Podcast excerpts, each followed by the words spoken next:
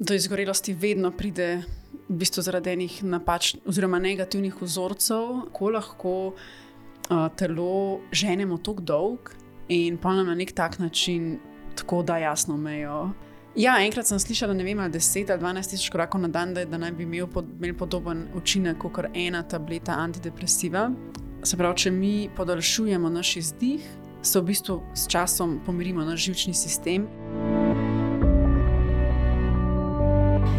Danes je z nami Vida Igličar, grafična oblikovalka, ilustratorka ter avtorica knjig Vse je v redu, 100 dni za boljšo mene in naj ti povem svojo zgodbo. Prek svojih izkušenj želi Vida pomagati drugim, ki se borijo z izzivi in stiskami, da poiščejo svojo luč na koncu tunela in stopijo na pot do boljš boljšega življenja. Vida, dobrodošla. Živijo. Hvala za povabilo. Hvala, da si prišla. Um, kaj še dan je za tabo? Mm, Zaenkrat je nekje na polovici. Mm, v redu, sem se zbudila tako v miru, brez budilke, sem si vzela malo časa za jutranjo rutino in zdaj malo delo, pa malo pravkov, prijetnih. Um, kakšna pa je tvoja jutranja rutina? Sicer nimam tako zelo fiksne, ampak recimo danes um, sem si vzela čas za čaj, pa malo sem pisala dnevnik. Uh -huh. To je ena taka, bi rekla, bolj umirjena rutina.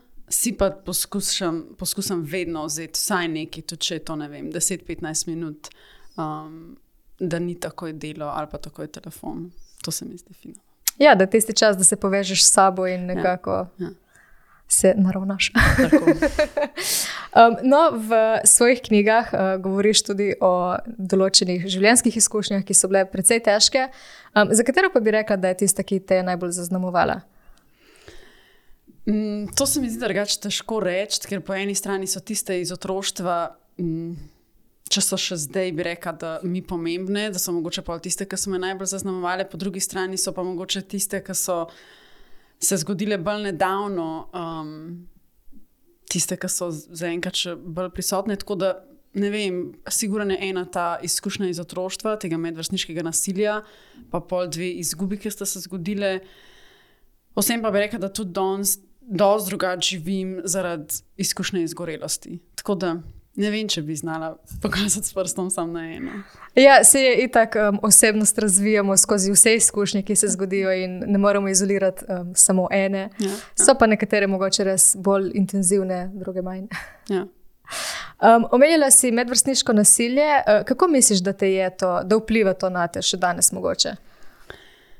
Mm, mogoče danes. Um, Oziroma, tako vem, da ko sem začela pisati knjigo, je, to, je bil ta del, uh, govoriti o tem delu svojega življenja, mi je bilo kar težko, oziroma pisati je še nekako šlo. Potem pa, je prišel um, čas pred izidom, sem imela pa na eni točki zelo močen pomislek, če bi to res delila. Um, ker dolg čas za to mojo zgodbo, nobeden, mislim, so vedeli samo res tako peščica bližnjih, niti ne vse, mm. uh, vsi bližnji prijatelji. In takrat sem se nekako strašila, kaj če bi se mi zdaj zgodilo, da bi prišel neki negativni komentarji, ker s tem, ki greš napisati knjigo, se odpreš za možnost ali kritike ali negativnih komentarjev. Vedno pridejo in tudi si ne zatiskam oči, da um, lahko so. In takrat sem se vprašala, ali sem psihično dovolj stabilna, če bodo ti komentarji prišli, ali bom znala nekako z njimi ravnati. Um, Danes sem vesela, da sem se vseeno odločila postiti knjigo tako, kot je bila. Se mi zdi, da je vredno, da sem res delila tudi tiste stvari, ki nekako mi ni bilo tako prijetno, ker sem se odločila deliti svojo zgodbo in se mi zdi smiselno, da potem pač delim te pomembne stvari, tudi če, pač, um, če sem skozi njih ranljiva.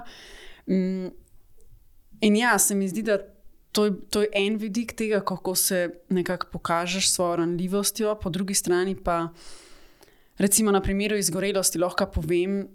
Nekaj časa nazaj sem šla zbirati neke članke, ki so jih pisali um, kot odziv na prejšnjo knjigo, 100 dni za boljšo mene. In na enem članku na koncu vidim veliko komentarjev, in mhm. nikoli sicer ne berem teh komentarjev, prav zavestno se mm. jih izogibam. Kar mi kdorkoli napiše direktno meni, z največjim veseljem uh, preberem in se odzovem, v komentarje se pa ne spuščam.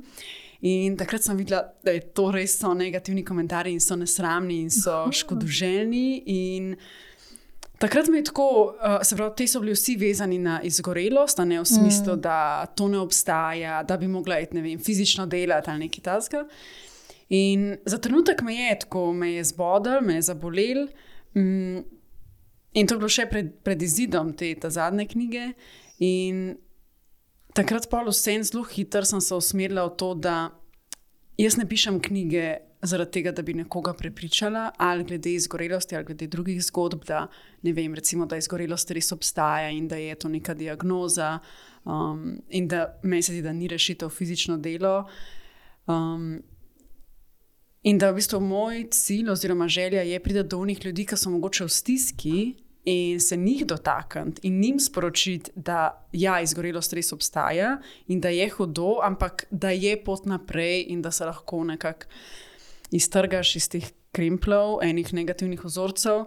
In danes sem vesela, da se takrat nisem nekako oddala temu strahu pred neodobravanjem ali pa pred temi negativnimi komentarji, ampak sem pač sledila upanju, da lahko svojo zgodbo nekomu pomagam. Se mi zdi pa, da je bilo ključno to, da je tudi od izgorelosti minil že nekaj časa, Um, da glede tega imam zdaj nekako oblikovano mnenje in da se zavedam, da bodo vedno lahko ljudje, ki pač bodo imeli drugačno mnenje od izgorelosti in se mi zdi to normalno. Pač tudi, če mogoče nekdo ni videl nekoga, ki je izgorel, po možnosti nekoga od blizu, ki bi ga poznal, kakšen je bil prej, pa potem ob, na, recimo, na bolniški.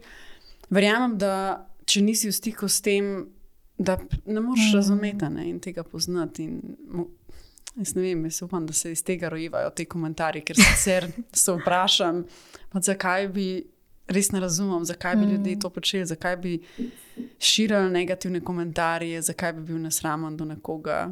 Mm. Upam, da prihaja iz nerazumevanja. Ja, um, tudi jaz včasih tako naletim na kakšne komentarje, ali na aktivni strani, ali tudi kjerkoli drugje.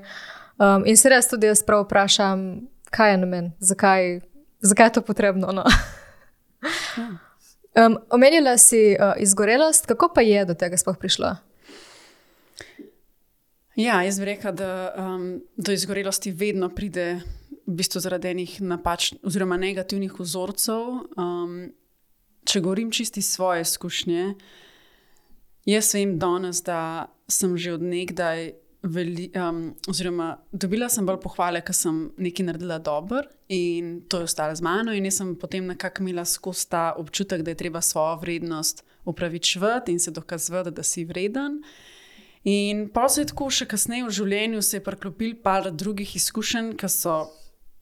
Se mi zdi, da um, mi pač odtirale pot, da je prišlo do tega, pa so se zgodile te dve nenadni izgubi bližnjih.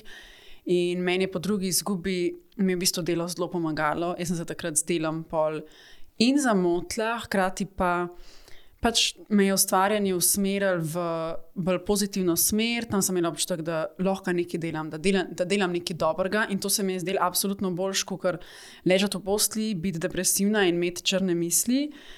S tem, da sem takrat mlada, bila sem na faksu in pol je bilo nekje sem bolj izgubila mejo. Ne? Je do neke mere, se mi zdi, da je bilo dobro, da sem delala, da sem našla nek sožitek v ustvarjanju, ampak pol na neki točki je bilo to v bistvu utopično polnjenje ene praznine in takrat se tega nisem zavedala. Meni je bilo delati fino in sem se počutila dobro, meni se celo zdelo, da sem na neki pravi poti. Ne? Se pravi. Jaz sem se želela dobro počutiti, če sem veliko delala, sem se dobro počutila, bilo je skozi več nekih uspehov, dosežkov in sem se počutila skozi boljši.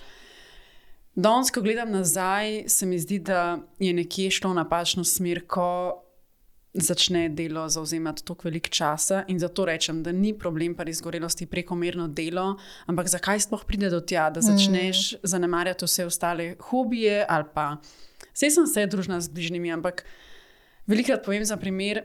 Imela sem eno prijateljico, ki je že takrat bila um, na SP-ju in če bi bil sončen dan, je ona vedno šla ven in je delala nek drug dan. Mene pa še za vikend tako. Vseeno grem na izlet, pa delam. Jaz sem se v boju počutila dobro in v resnici mi je bilo bolj delati zelo bolj prijetno, ker je bilo totalno poznano in pač na koncu dneva sem se počutila produktivno. Dokler pa ni prišla ta izgorelost, ker se mi zdi, da mi je res tako čez noč nekako spodnesla tla pod nogami in pokazala, da, da to ni šlo v pravo smer. Kakšni simptomi pa so na koncu pripeljali do diagnoze izgorelosti? Jaz sem se začela zavedati, da nekaj ni ok, nekje en teden pred bolniško šele. Uh, po, ko sem gledala za nazaj, se mi zdi, da so bili simptomi že prej, da jih je bilo kar nekaj, ampak sem vse zelo kratkoročno zdravila, vse s ciljem, da imamo to hitro um, urediti, da lahko delam naprej. Um, tisto poletje sem imela velikrat unete sinuse in to je bilo tako, ker recimo ali vsak mesec, ali celo, da sem bila vsak vikend malo prehlajena, velikrat sem imela uh, glavobole. Um, Slabo sem spala, nemirna sem bila, zelo razdražljiva. In vem, da sem tisti teden začela malo razmišljati, da nekaj ni ok, sem pomislila tudi, če mogoče preveč delam. In sem si rekla, ok, bom um, te projekte po službi dala malo na pauzo, pa pač si vzela sem toliko časa delala, kot je v službi. In se spomnim, da pol začer kar mal nisem vedela, kaj naj sama sabo, ker nisem več vedela, kaj bi počela, ko nisem za računalnikom oziroma ko ne delam. In pa sem takrat sklicala svojo terapeutko. In tudi tisti teden sem se spol, oziroma že malo prej sem se za nazaj malo pisala pol te simptome. In ker sem prišla na terapijo, sem povedala, nekak, kaj se je prej dogajalo, kako se takrat počutim. In terapeutka je bila tista prva, ki mi je rekla, da se ne zdi, da to gre v izgorelost in da če bi bila ona moja osebna zdravnica, bi me takrat dala na bolniško. In ona je omenila, da se mi zna zgoditi panični napad. Izvedom sem rekla, da boš to zaradi tega, ker sem res tako nemirna ne, in mm. nekako uh, na robu in že takrat mi je glava delala, um, oziroma misli so res šibale. In meni se takrat zdelo, da ne, da to pretirava in da to ni tako hudo. Da, ok, če je zdaj razlog v tem, da malo preveč delam, bom to malo zmanjšala, ampak da ni treba zdaj nekih drastičnih sprememb.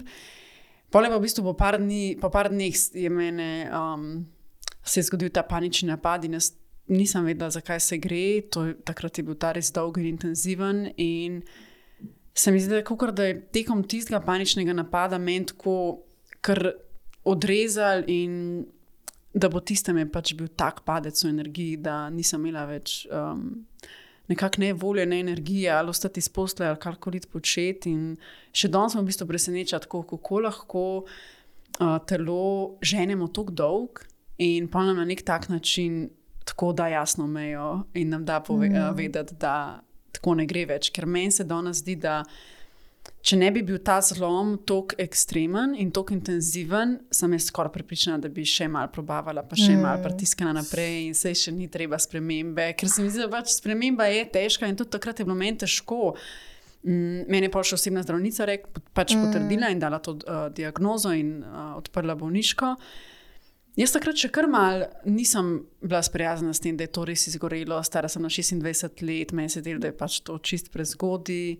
Um, in mene je tudi strah, kaj to pomeni, če je zdaj ta bolniška, kaj ne zdaj delam sama s sabo, kako se zdaj tega pol lotiš, kako se lotiš spremembe, kaj si bodo drugi mislili, kaj mm. drugim reči, ki te vprašajo, aha, na bolniški si, zakaj pa. Pa, kako se pa zdaj zdravaš? Takrat je to enih vprašanj in nimaš odgovore na nje. Tako da uh, lažje bi bilo meni takrat se delati, da načne, pa iti še malo naprej, pa še malo naprej delati. Ja, ampak verjetno prej ali slej bi prišel do te točke. Meni se zdi, da ja. In tudi, ko zdaj koga drugega opazujem, um, ki je dal to skozi, pa mogoče malo drugačni obliki. Ne vem, se mi zdi, da če ne bi bil ta zlom tako ekstremen, bi mogoče dlje časa pol nekako hodila po robu te izgorelosti. Tako sem si pa takrat res um, vzela pol ta čas za bolniško in nekako se zavedala, da je potrebna sprememba in to ni sprememba, da bom na mest, ne vem, uh, 14 ur na dan delala 8. Ampak je bila to sprememba predvsem v teh vzorcih, zakaj to delaš, kako um, se prej ustaviti, kako biti bolj v stiku s telesom, da veš, da greš čez svoje meje, um, kako pač spet dobiti nazaj voljo do drugih stvari, ki niso delo in dobivati potrditev od drugih, ne samo skozi delo. Kako pa je uh, zgledala, zgledalo tvoje uh, okrevanje v času bolniške? Mm, takrat je meni pol zdravnica rekla, da odpreva bolniško za tri tedne, spet se meni to še zmeraj zdelo, da ne, da to je preveč. Um, ampak nekako sem se takrat pol, uh, sem to sprejela in sem šla domov. Zdravnica mi je rekla, da uh, ne se držim stran od interneta, od raznih googlanjev, nekih simptomov. Um, hodila sem takrat na terapijo In zdravnica mi je rekla, da pač ne počivam, ne delam tisto, kar mi v danem trenutku paše. kar je bilo takrat težko, ker v bistvu kar nekaj časa jaz pa nisem vedela, kaj mi paše. In še bil je prisoten ta sram, mal. Um, jaz sem živela v Ljubljani, se pravi, a jaz ne zdaj hodim okrog, pa se družim s prijatelji, ker mi je to recimo kdaj pasal, ampak sem pa na bolniški, ne, kako se zdaj primerno obnašati. Tako da takrat vem, da sem se vse nekako držala. Bolj doma, pa pač res uh, v krogu najbližjih. Mm, sem pa veliko hodila na sprehode, poslušala podcaste. Predvsem zato, ker sem takrat čisto videla, da ko sem v naravi, da sem veliko bolj umirjena, kot kar recimo že, ali pa sem bila doma, ali pa da bi recimo že bila na telefonu, se mi zdi, da takrat sploh nisem imela energije in vidiš. Takrat, ko si tako utrujen, vidiš res, kako ti ekrani delajo mm. prehiter in ko so tvoji možgani nekako tako res tako nizko z energijo um, oziroma z aktivnostjo, vidiš tak, uh, tako razliko med tem, pa med tem, ki ne vem, lahko po ekranu nekaj uh, zelo hitro počneš. In takrat mi je no, tako nekako spontano, bolj, mm, sem bolj šla v aktivnosti, ki so bile umirjene, počasne. Um, tam, kjer sem se počutila boljšno, ne dobro, ampak vsaj boljš.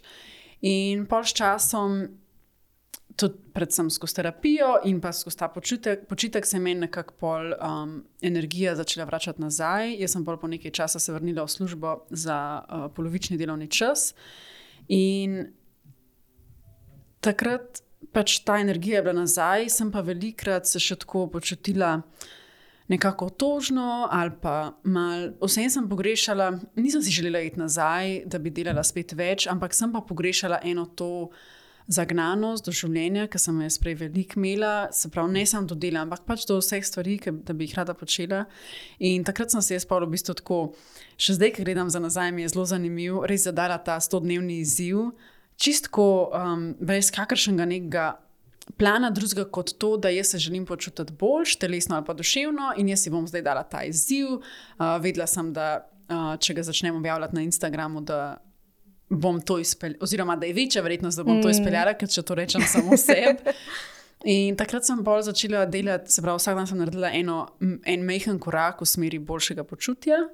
Um, vsak dan sem odgovorila na tri vprašanja, um, kaj sem ti zdaj naredila boljš, če se je kdo zaradi tega boljš počutil, jaz ali pa kdo od bližnjih, in če mi je to dejanje prineslo kakšno novo spoznanje. In obenem sem ta zapis objavila na Instagramu in vsak dan ustvarila tako neko tako zelo hitro ilustracijo. To mi je vzelo, ne vem, od pol ure do ene ure max, ker spet ni bil cilj več mm. delati. Sem se pa želela izražati kreativno, ker mi je to vedno nekako pomagalo, pa mi je dajal zagon. In pa v bistvu tekom teh stotih dni se je meni res in razpoloženje zelo spremenilo na boljš. In se mi zdi, da skozi neke te male korake, ki sem jih delala, um, in to so res majhni v smislu, ne vem, je prišel recimo dan, ko se nisem počutila dobro, pa bi vedno nekako se ali obsojala, ali pa spet delala na nek plan, kako bom prišla do neke perfekcije. Pa sem si takrat rekla, da pač da je ok, da pride slab dan in sem rajška, da bi bila stroga do sebe, poskušala pristopiti s prejemanjem. Do tega, da recimo, sem se odločila za zdrave obroke, ali pa sem šla laufati, ali pa sem delala jogo, take stvari. In tekom teh stotih dni so se pa polosne začele dogajati večje spremembe. Jaz sem potem postila službo v agenciji in sem uh, stopila na samostojno pot. Spoznala sem fanta in sva z njim nekako začela ta en tak lep odnos. In se mi zdi, da je vse to skupaj pol pripeljalo do te velike spremembe. In že takrat na Instagramu mi je veliko ljudi pisalo, da jim je bil ta izziv ful všeč, da so ga radi spremljali in da so se ga eni lotili že sami. Mhm. In takrat, ko sem šla, ko sem postila pol službe in sem vedela, da bom imela nekako več časa posvetiti svojim projektom, sem si rekla, da želim to izdati v obliki knjige. Tako da sem takrat v bistvu pisala na mladinski knjigi, da sem se lotila tega izziva, da je to v bistvu že narejen, že spisan, ampak da bi zelo rada to delila naprej. In v bistvu še bralce, s tem, da bi v knjigo vključila prazne strani, da še bralce povabimo, da se tudi oni um, lotijo tega izziva. In ja, takrat je bila pa mladinska knjiga za in nekje eno leto kasneje je šla ta knjiga. Um, kasneje potem je šla še ena knjiga, vse je v redu, tako je pred kratkim. Ja, ta je pa zdaj šla januarja letos, se pravi, to je tri leta kasneje. Um, ja, meni je takrat v bistvu ko je, ta, ko je ta knjiga 100 dni za boljšo mene išla, um, se je pri meni začela pojavljati tesnoba, takrat je bila korona. Um, in jaz sem takrat, uh, ko se je začela izgorela, sem imela ta panični napad. In pol po tistem sem jih imela še parkrat, ampak ne velikrat, in nikoli niso bili več tako intenzivni. Veliko se pa, sem pa imela jaz pol tesnobe. In v bistvu, kar začeli so se pri meni pojavljati neki taki novi strahovi, ki jih prej res nisem imela. Jaz si kar naenkrat nisem več upala v dvigalo. Um, Pol je bila ita korona in nekako nismo tako leteli z avioni, ampak um, že pol, ki smo spet lahko, je bilo meni kar mal ta misel, da bi šla na letalo po zaprt prostor, pa tako nimaš nadzora, mi je bilo zelo neprijetno. S tem, da mene prej te stvari res ni bilo strah, ker sem jaz študirala v Angliji, sem pač vsak let, ne vem, petkrat letela gor dol, pa sem šla potovati sama na Bali. Tako da sem se primerjala s to verzijo sebe, ki je bila mm. zelo neustrašna, in zdaj sem na tej neki točki že po izgorelosti. Jaz ne bi se že bolj počutila, dobro sem skrbela zase. In zdaj me je kar nekaj nekih stvari strah in ta tesnoba. In tega nisem razumela, in še poleg tega je bilo meni tega pač strama. Ne? Se pravi, bila sem deset let mlajša, ker sem bila veliko bolj pogumna mm. in zdaj sem v varnem odnosu, v varni državi um, in sem tako se nisem počutila dobro. No? In pa sem na neki točki si rekla, ok, se bom jaz zdaj spet vrnila nazaj v terapijo. Meni se je to zdaj tako, kot to je zdaj že mal poraslo, da moram nazaj v terapijo. Ampak ok, če grem, bom šla zdaj enkrat in s to tesnobo zavedno obdelam, da je nikoli več ne bom um, čutila. No in pol. Um, Obenem sem veliko brala knjige, poslušala podcaste, tako se dosti izobraževala okrog tesnobe. In v bistvu pol s časom začela spoznavati, da um, ni cilj, da tesnobe ne bi doživljali, ampak pač, da bi se naučili z njo.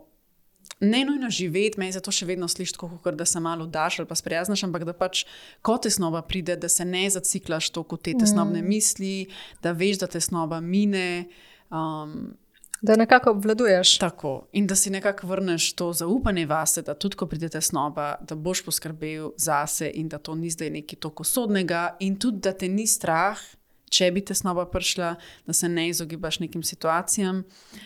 In v bistvu, pol, kar sem jaz to.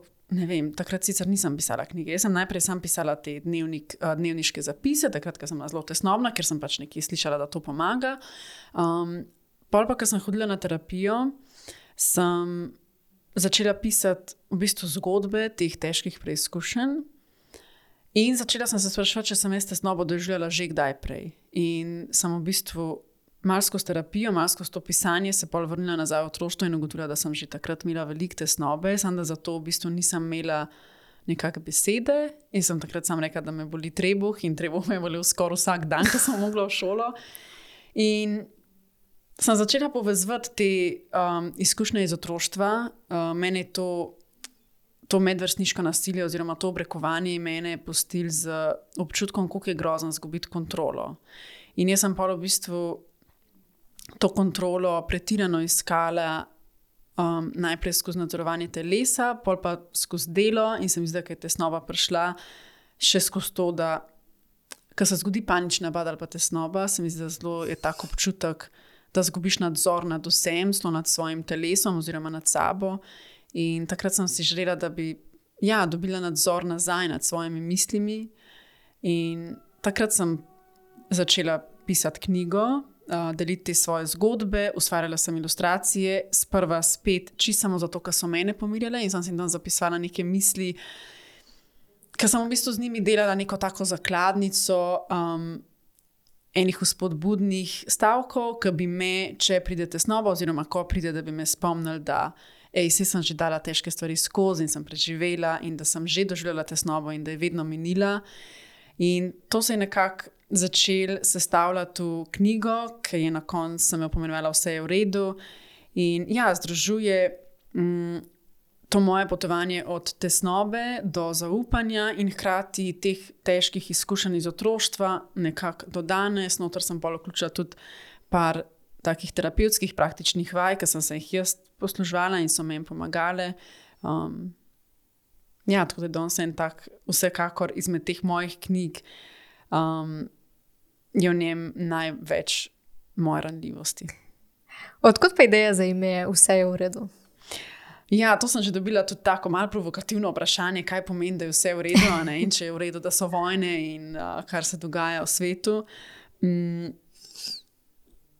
ta stavek je v bistvu um, na začetku velikrat rekel moj fant in on je tako zelo tak miren in svojo prezenco je meni, če rekel ta stavek, ki je meni res lahko tako v sekundi pomiril.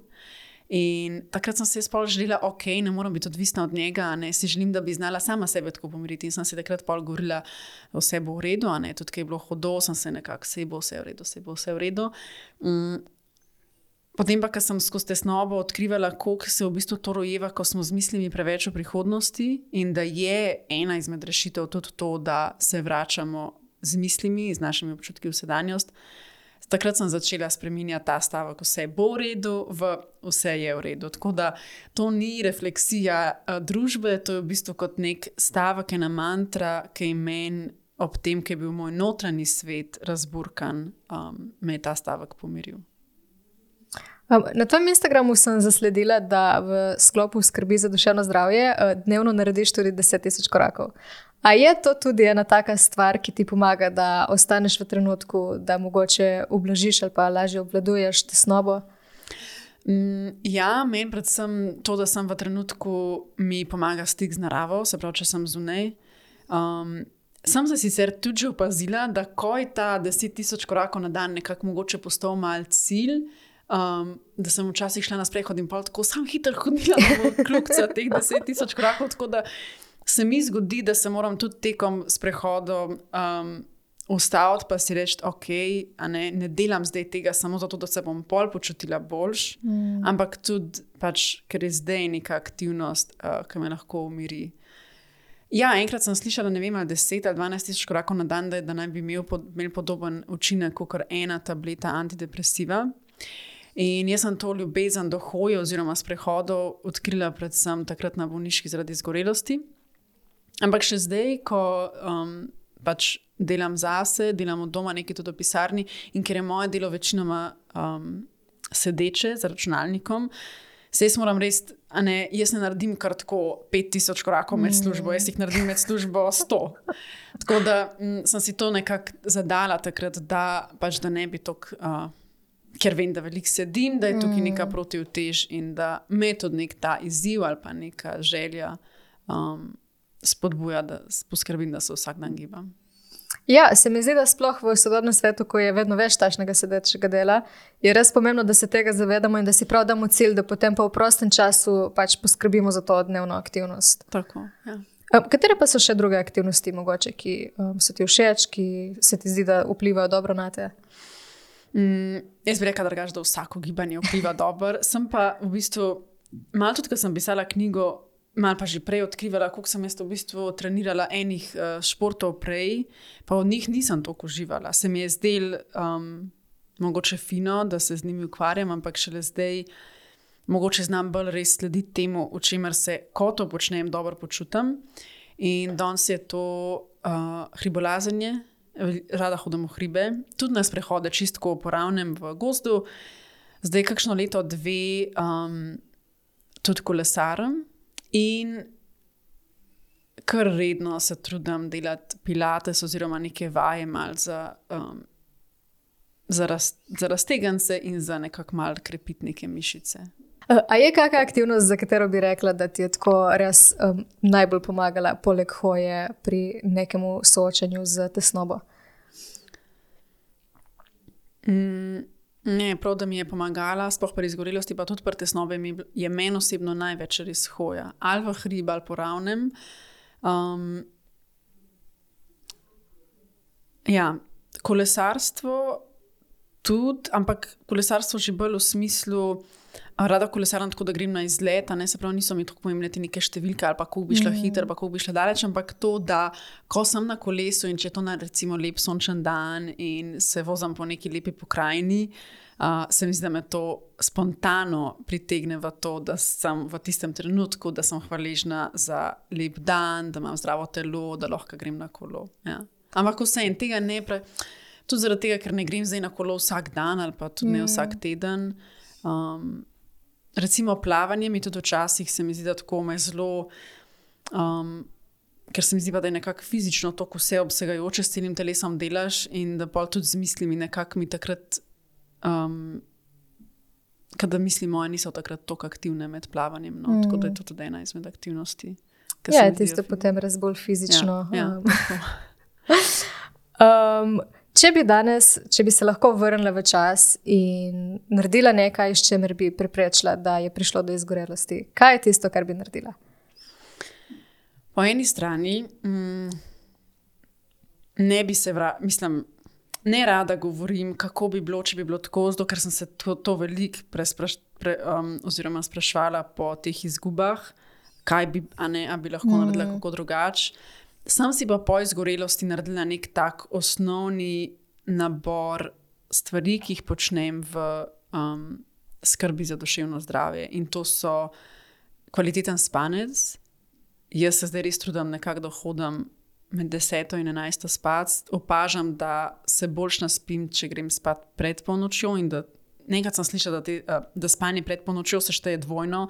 In jaz pa se opazim, da meni to drži. Ne bi rekla, da je to nujno res za vse, ampak meni je zelo pomembno, da grem zgodaj spat. Sem tudi jutranji tip človeka, tako da pa zgodaj vstanem. Mm, spanec, ki ga mora biti dovolj in da je kvaliteten. Jaz tudi se mi zdi, da mi je spanje en tak način preverjanja, kjer, kje sem mentalno, ker če dobro spim, sem skoraj siguren, ok. Če ne spim dobro, je ponavadi posledica, da je mogoče bilo čez dan malo preveč aktivnosti, ali pa nisem na to stiku s sabo in pol se mi zdi, kuka, da skozi kakšne sanje to malo predelujem. Uh, druga stvar je gibanje. Zdrava prehrana, da je raznolika in da so te obroke redno, tako nekako sem si jaz zastavila. In potem je tukaj še uh, dihanje. To sem se v bistvu naučila skozi tesnobo, ker sem videla, kako v bistvu je dihanje lahko res zelo enostaven način, kako se umirimo. Mm. Se pravi, če mi podaljšujemo naš izdih, se v bistvu s časom pomirimo naš živčni sistem in to se mi je vedno zdelo.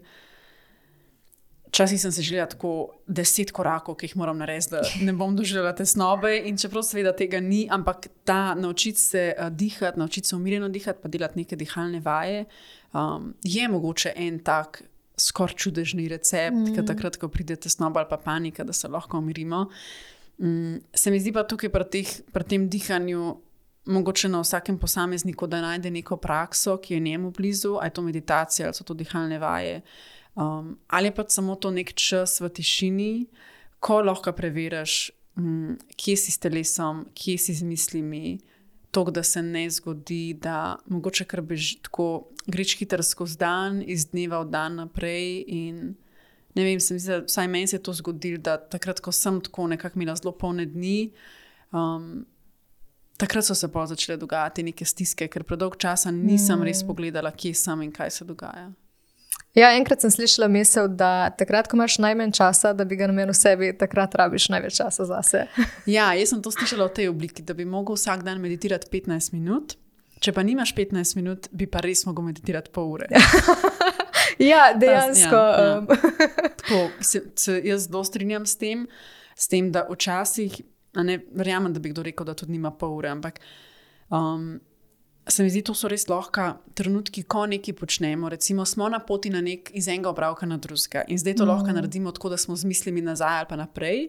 Ali pa se vsem tisti čas, ali če se vozimo, ali če hodimo, um, da se tiste trenutke zavemo, ok, pač zdaj sem tukaj, ne, nisem še pri tistem naslednjem opravku. To se mi zdi tudi nekako koristno, um, recimo prehodi službe domov da imamo vmesnik ta check-in, da se zavemo, ok, pač lahko zdaj službo pustimo tam in smo, mm. ko pridemo domov, prisotni doma.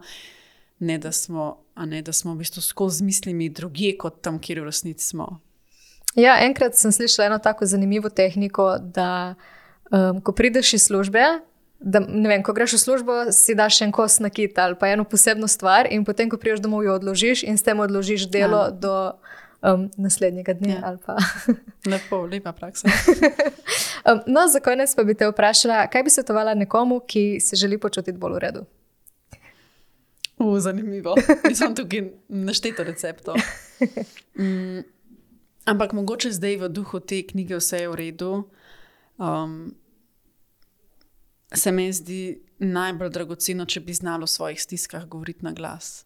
Um, po svojih izkušnjah vem in to iz otroštva, in tudi potem s tesnobo, um, ko sem jaz te stiske držala zase, se je potem pridružil kašen sram, pa strah pred tem, kaj bo rekel drugi, pa če te bodo drugi obsojali.